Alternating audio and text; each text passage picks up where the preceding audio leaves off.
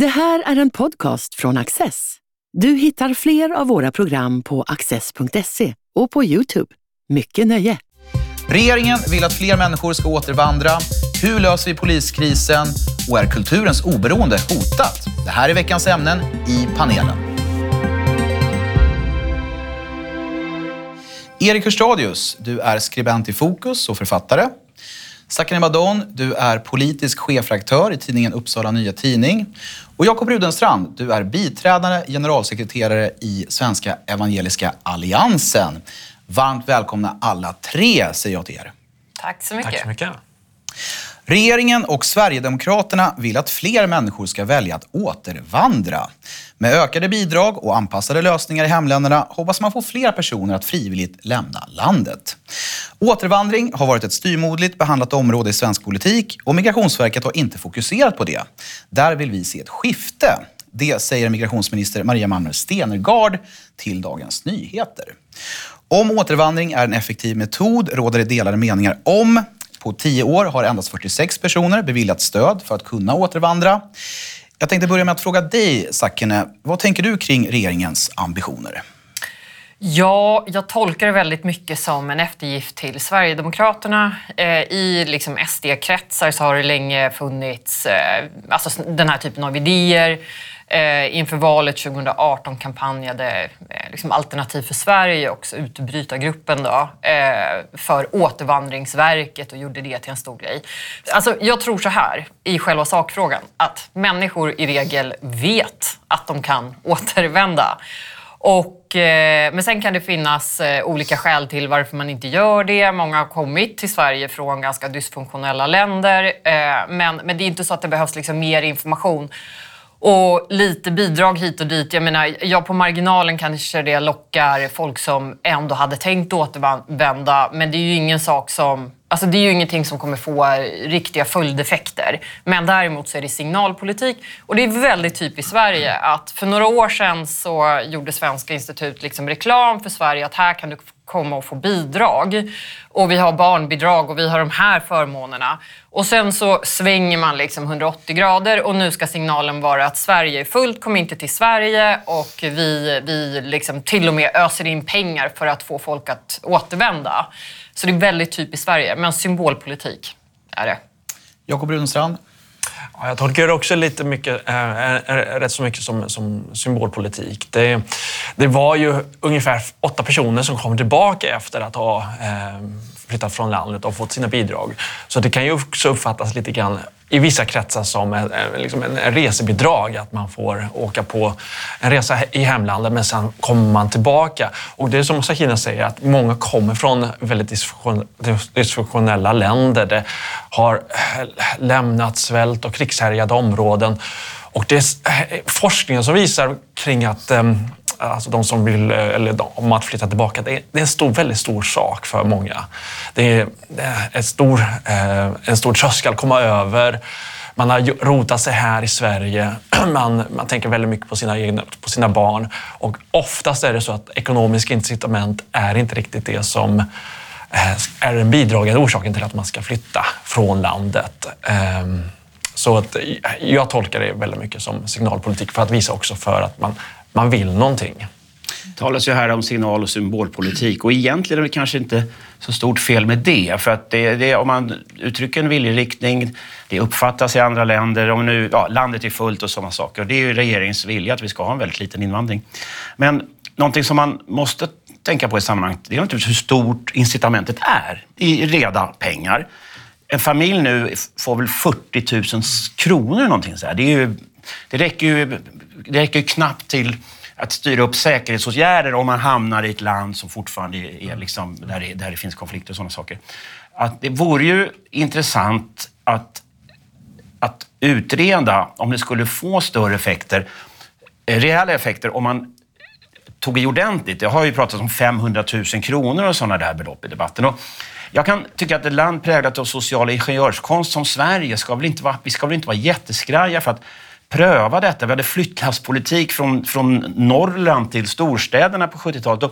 Om det nu är så att vi har stora integrationsproblem och om det nu är så att eh, jag talar utifrån utredning och sådana saker. För jag, jag, jag, känslan är att det kanske inte kommer att vara så effektivt eller någonting. Men om familjer individer har större möjlighet att etablera ett produktivt liv i sitt gamla hemland än i sitt nya land. Så jag vet inte om idén är så jättetokig egentligen. Utifrån att vi har dålig integration och utifrån att många länder som har, folk har flytt ifrån är mer stabila idag än det var, de var när människor flydde. Så att jag, vi ska inte bara mönstra ut den här idén som enbart eh, en flört med Sverigedemokraterna. Jag tycker det är ganska intressant att det, det sker viss återvandring redan idag. Även om den liksom är problematisk i sig. Jag tänker på de här eh, uppfostringsresorna som man skickar eh, sina pojkar till. Eh, man skickar hem pojkar för att undvika att de dras in i gängkriminalitet och knarkförsäljning och, och stök i Sverige. Eh, så, så, sånt påverkar nog mer, alltså situationen i socialt utsatta områden. Eh, Eh, jag, jag, känner själv familjer som har då återvandrat och där det höll på att gå åt helvete för barnen i, i en svensk förort, eh, i det här fallet i, i till Stockholm. Eh, men där skolgång och allt liksom går mycket, mycket bättre i deras liksom, föräldrarnas ursprungsland. Och sånt påverkar ju folk betydligt mer. Alltså rädslan för att det, är, det är liksom kaos där man bor och man vill inte förlora, vem vill förlora sina barn? Alltså det är väldigt många som eh, numera känner någon åtminstone som eh, ehm, har då eh, söner som har dött i de här gängkonflikterna. Så det påverkar ju eh, människor direkt, mer än då att en, en minister tillsätter liksom, eller har informationsbroschyrer eller höjer bidrag hit och dit. Integrationsproblemen som ju oftast beskrivs som roten till varför man vill eh, alltså bidra till ännu mer återvandring kommer ju fortfarande kvarstå. Det kommer fortfarande vara stora utmaningar när det gäller integrationen. Så att, jag, jag, jag tycker i Tidöavtalet att man sa, kunde gott ha tillfört andra Eh, förslag eller lösningar på hur man skulle lösa integrationsproblemen. Till exempel som Kanada gör, där man låter en stor del av civilsamhället sponsra, kliva in som någon form av fadder för, eh, för flyktingar eller eh, invandrare. Be till exempel kyrkor och andra samfund att vara med och säkra upp hur för, för boende, arbete och så. Om man nu vill komma, till, komma med andra förslag än att bara ge bidrag hela tiden. Det, det, skulle i mina ögon ses lite mer som konstruktivt. Och om man jämför med eh, människor som har lämnat Sverige. Jag tittar på SCBs statistik från förra året och det var över 50 000 personer som har flyttat från Sverige. Långt mycket mer människor än som har återvandrat de senaste tio åren som i, i netto handlar om kanske 32 personer. Men sen kan man ju se återvandringen utifrån det här perspektivet och det har vi gjort på andra områden i migrationspolitiken. Vi har gått från permanenta uppehållstillstånd som det normala till tillfälliga uppehållstillstånd som normala. Så idén här är inte att man emigrerar till Sverige för gott om man kommer från konfliktzon eller från politisk förföljelse, utan att man får skydd här. Och det är inget som säger att det skyddet är resten, alltså det är för resten av livet, sådär, utan det kan vara att vi erbjuder skydd, som, som ukrainarna som kom till exempel. Så det här kan ju också lägga sig till det pusslet, att vi ser det mer som att man är en fristad, men inte, inte ett, ett resten av livet här. Eh, sen så kanske man kan, nu, nu spekulerar jag bara, men om det går att identifiera hotspots, ekonomiska hotspots i före detta konfliktzoner, där man börjar få igång en ekonomi, kan det finnas då en poäng att, att människor som har bott här i Sverige, eller kanske lärt sig saker, längtar hem, inte kommer in i matcherna här, att de kan via, via den här typen av åtgärder bli bi, alltså, ge seriösa, så att säga, produktiva bidrag till sina samhällen i de här hotspotsen där det finns då arbete och någon slags möjlighet att få bostad och skola till barnen och så. Tycker kan vara lite nyfikna ändå. Mm. Vi tar med oss detta, för nu ska vi gå vidare till nästa ämne som handlar om svensk polis. Svensk polis brottas med stora organisatoriska problem. Efter polisreformen 2015 har det blivit ännu svårare att tillsätta och behålla duktiga poliser i yttre tjänst samtidigt som stora resurser läggs på bekväma skrivbordsjobb som inte bidrar till verksamheten. Allt det här sker mot en fond av en galopperande brottslighet som Polismyndigheten i dess nuvarande form inte förmår att hantera. Ungefär så kan man sammanfatta den moderata riksdagsledamoten och före detta polisen Fredrik Kärrholms essä i nättidskriften Smedjan. Och jag tänkte börja med att fråga dig, Erik Hörstadius, vad tänkte du när du läste Kärrholms problembeskrivning av svensk polis? Ja, framförallt, jag är inte säker på att Fredrik Kärrholm skulle hålla med riktigt om att vi ser en galopperande brottsutveckling. Eh, det han säger är att vi, vi har stora brottsproblem i Sverige. det finns också en problem med vissa brottskategorier som är väldigt grova som växer. Alltså där självklart sådana här gängmord och sådana saker. Men om, om man tittar på mätningar av anmälningar och trygghetsmätningar när man frågar medborgare hur har ni utsatts för brott. Så det är inte riktigt sant att, man talar, att vi ska tala om en väldigt kraftigt ökande brottslighet. Men med detta sagt, så oavsett nivån av brottslighet så ska vi ha poliser som fångar skurkar så bra så att det också blir förebyggande, att man inte vill bli skurk eller begå det och det brottet. Och det vi ser, nu tog du upp polisreformen 2015 när man slog ihop, man slog ihop små polisdistrikt till några större. Eh, och det är för att få storleksfördelar och sådana saker. Det säger man är en faktor då till att polisen funkar sämre. En annan är naturligtvis att när politiker för att få röster säger nu ska vi ha 10 000 fler poliser och sånt. På båda sidorna blockgränsen har man ju tävlat om att sätta fler, få in fler poliser i brottsbekämpningen. Det är inte helt lätt. Man ska utbilda de här poliserna. Det ska vara bra kvalitet på dem. Och så ska de inlemmas då i, i organisationen. Då har vi en samhällssjuka som finns långt bortanför polisen. Och det är både i myndigheter och i näringsliv. Byråkratisering. Alltså det ska dokumenteras, det ska utarbetas värdegrunder. Ehm, man ska, eh, om man anställer, det dyker upp en mellanchef så måste det vara någon mellanchef till som, som organiserar mellancheferna. Och det är också någonting som Kärrholm tar upp i artikeln att för många, många som anställs i polisväsendet, dels bekämpar de inte brott och så, utan håller på med byråkrati. Dels har de högre lön och bättre arbetsförhållanden när de kommer från kärnan, brottsbekämpningen, till de här runt omkring grejerna. Så det finns liksom incitament för folk som kommer in inom polisen, rena ekonomiska incitament och bättre arbetsvillkor, att lämna kärnuppdraget. Så att, och, och, och, det här beror alltså inte bara på polisreformen, utan det beror på strukturella grejer i samhället. Där vi liksom, det är mycket fluff runt omkring verksamheten. lärare vet att de måste dokumentera mer idag och i sjukvården så är det, har liknande problem. Så att den här samhällssjukan är, är, är långt bortanför polisen och svår, svår att, svår att liksom göra någonting åt, tror jag. Håller du med Sakine? Ja, sjuka är ett väldigt bra ord. Jag har ju kallat det för så kommunsjuka med de här svällande kommunikationsstaberna på kommunerna eh, och brukar trakassera Uppsala kommun med jämna mellanrum för att fråga hur många är anställda på staben nu och eh, vad ligger liksom lönenivåerna på och sådär. Eh, så att den här sjukan är ju precis eh, som Erik är inne på, den, den är ju liksom, den är ju allmän. Eh, den berör inte bara polisen. Men det som är skrämmande tyckte jag när jag läste Kärrholms artikel var ju det här att Jämfört med 80-talet så är det så pass många färre poliser i yttre tjänst. Eh, andelen polisen som är det har liksom sjunkit drastiskt. Och det, där, det är självklart så att har du inte poliser som jobbar ute på fält Saknar du utredare för att reda ut brotten så kommer ju det ge de här katastrofala resultaten vi ser idag. Eh, så att det, det, är ju en, det är en mängd olika faktorer. Ledningen och ledningsproblem, chefsproblem tas också upp i flera, eh, av flera. Eh, och, och, jag menar, bara de senaste månaderna har det varit otroligt turbulent för polisledningen. Men, men skruvar man bara tillbaka tiden så var det ju faktiskt redan under den här Dan Eliassons eh, tid eh, Eh, så var det ju också väldigt stark kritik internt. Liksom, polisfacket stod inte ut med hans liksom, närmast skönmålningar och optimistiska beskrivningar om att men, vi kommer göra ett riktigt bra eh, år och, och läget i de utsatta förorterna blir bara bättre och sådär. Alltså så att jag kan verkligen förstå frustrationen hos poliser som försöker och sliter dag och natt över att saker inte fungerar bättre. Mm. Och tyvärr är det svårt att se någon ljusning just nu.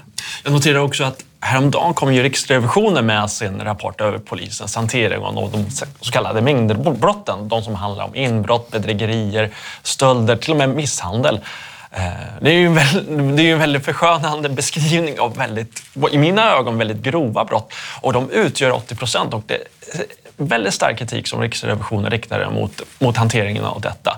Och bara två och ett halvt år efter omorganisationen så kunde ju Statskontoret konstatera att, att de uppsatta målen inte nåddes när det gäller att eh, få polisen närmare medborgarna, att eh, eh hantera alla de här utmaningarna som, som fanns. Så att, tittar, man, tittar man bakåt några år bara så så har man insett att, att det är väldigt stora problem här. Det är väldigt svårt att, att med styrmodeller i, i eh, den här typen av verksamhet. För om vi tar något som kallas för pinnjakt.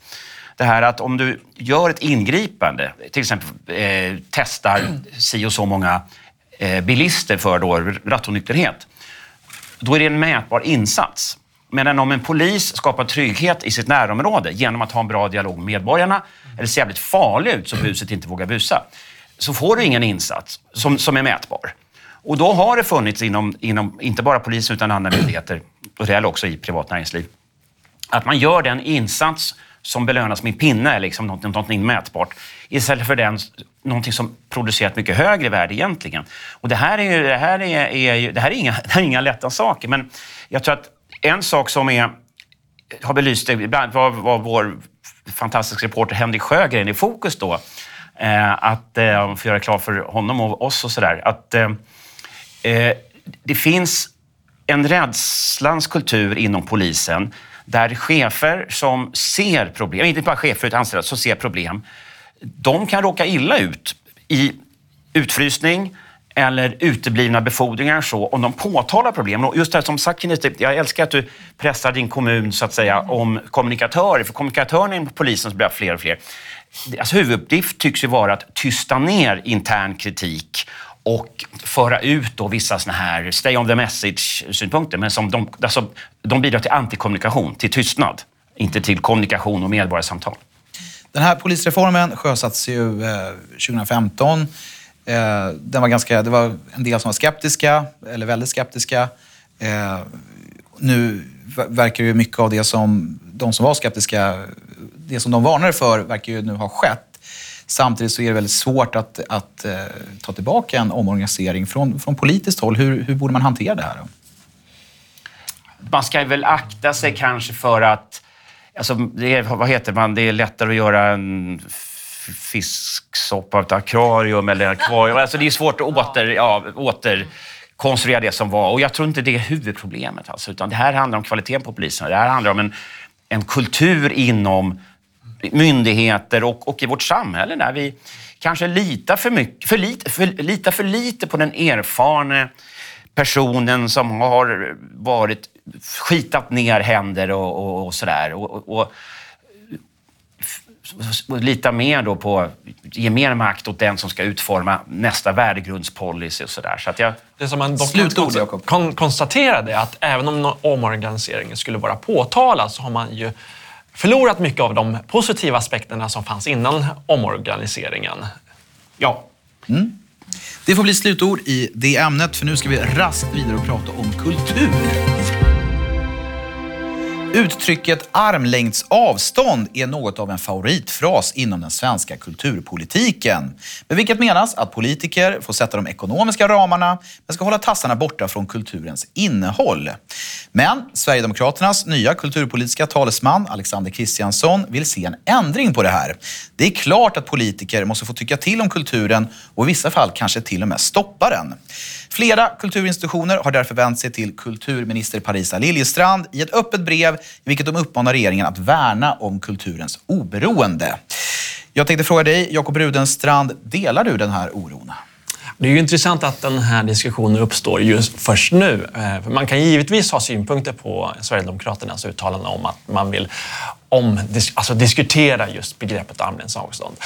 Men 2017 i samband med eh, kulturarvspropositionen från en då S-ledda regering med Alice Bah Kuhnke, miljöpartist, som kulturminister så hade man ju väldigt många skrivningar om att eh, kulturen och museerna ska arbeta för jämställdhet och eh, arbeta med normkritik och så var väldigt tyst från museerna då. Trots att på världskulturen, äh, världskulturmuseerna att det var flera områdesexperter som, som slutade på grund av att man upplevde att ja, men här är det väldigt mycket normkritiska pekpinnar som, som riktas. Så det man har gjort är ju snarare att man har bäddat för den här, det, det, det, det man gjort tidigare är att man har bäddat för den här formen av omsvängning. Jag vet att Stina Oskarsson har ju tidigare varnat för just denna utveckling. Att om man inte varnade för progressiva ideal som ska trummas ut via kulturen, då, då, kan man, då måste man kunna förvänta sig att eh, det kommer det liksom nationalistiska eller kulturkonservativa propåer som kommer från kulturen nu. Eh, så givetvis kan man ju diskutera har ju politiker rätt att kunna diskutera vad offentliga medel läggs på. Men samtidigt så är det ju väldigt, eh, väldigt märkligt att den här diskussionen uppstår nu. Håller du med, Sakine? Eh, ja, alltså jag tillhör ju också de som har varnat då det man lite slarvigt brukar kalla för identitetsvänstern. Eh, att öppnar ni upp för politisering så i en annan tid och med andra makthavare så kan eh, det bli en politisering som ni inte är jätteförtjusta i. Och den här utvecklingen har man ju sett i USA och andra västländer att det kommer en motreaktion.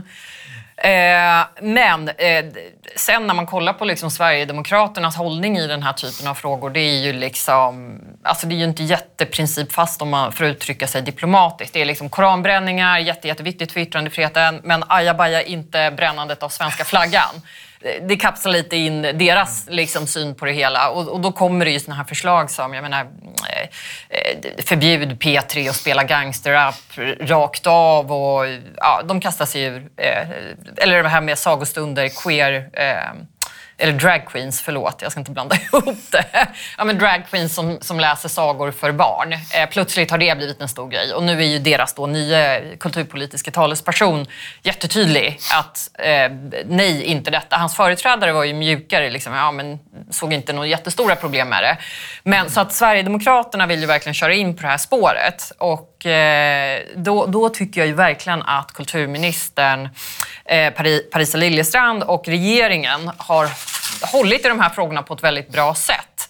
Ehm, alltså inte gett efter för Sverigedemokraterna. Eh, och det, är bara så man kan hantera det. Samma sak gäller ju i den här parallella debatten om eh, Eh, cancelkultur på universiteten. Det är ju precis samma principer och samma, mm. samma sorts diskussion där. Och där tycker jag också regeringen är väldigt tydlig med att det här handlar om, liksom, vi vill föra upp det till diskussion, men det handlar inte om att vi vill in och styra politiskt. Så så länge de håller, håller det avståndet så, så eh, ser jag ingen fara. Men eh, det är klart att man ska alltid vara på sin vakt och det gäller ju både när Sverigedemokraterna vill lägga näsan i blöt eller då när den här intersektionella eh, vänstern vill göra det. Jag kollade eh, innan jag kom hit eh, hur mycket offentligt stöd som går ut till kultur. Eh, och det här var någon i Sverige, och då, stat och kommun och regioner. Och jag häpnade över siffran. Det var faktiskt mer än jag Det var före corona var det 30 miljarder ungefär. Sen har ju coronastöd till kulturen gjort att det kanske är uppe på jag vet inte, 40 miljarder någonting. Men, men hur som helst. Det är enorma summor. Och någonting som jag tycker det pratas för lite om i kulturpolitiken det är att vad är det för kultur som inte kommer fram när så stor del av kulturen är offentligfinansierad.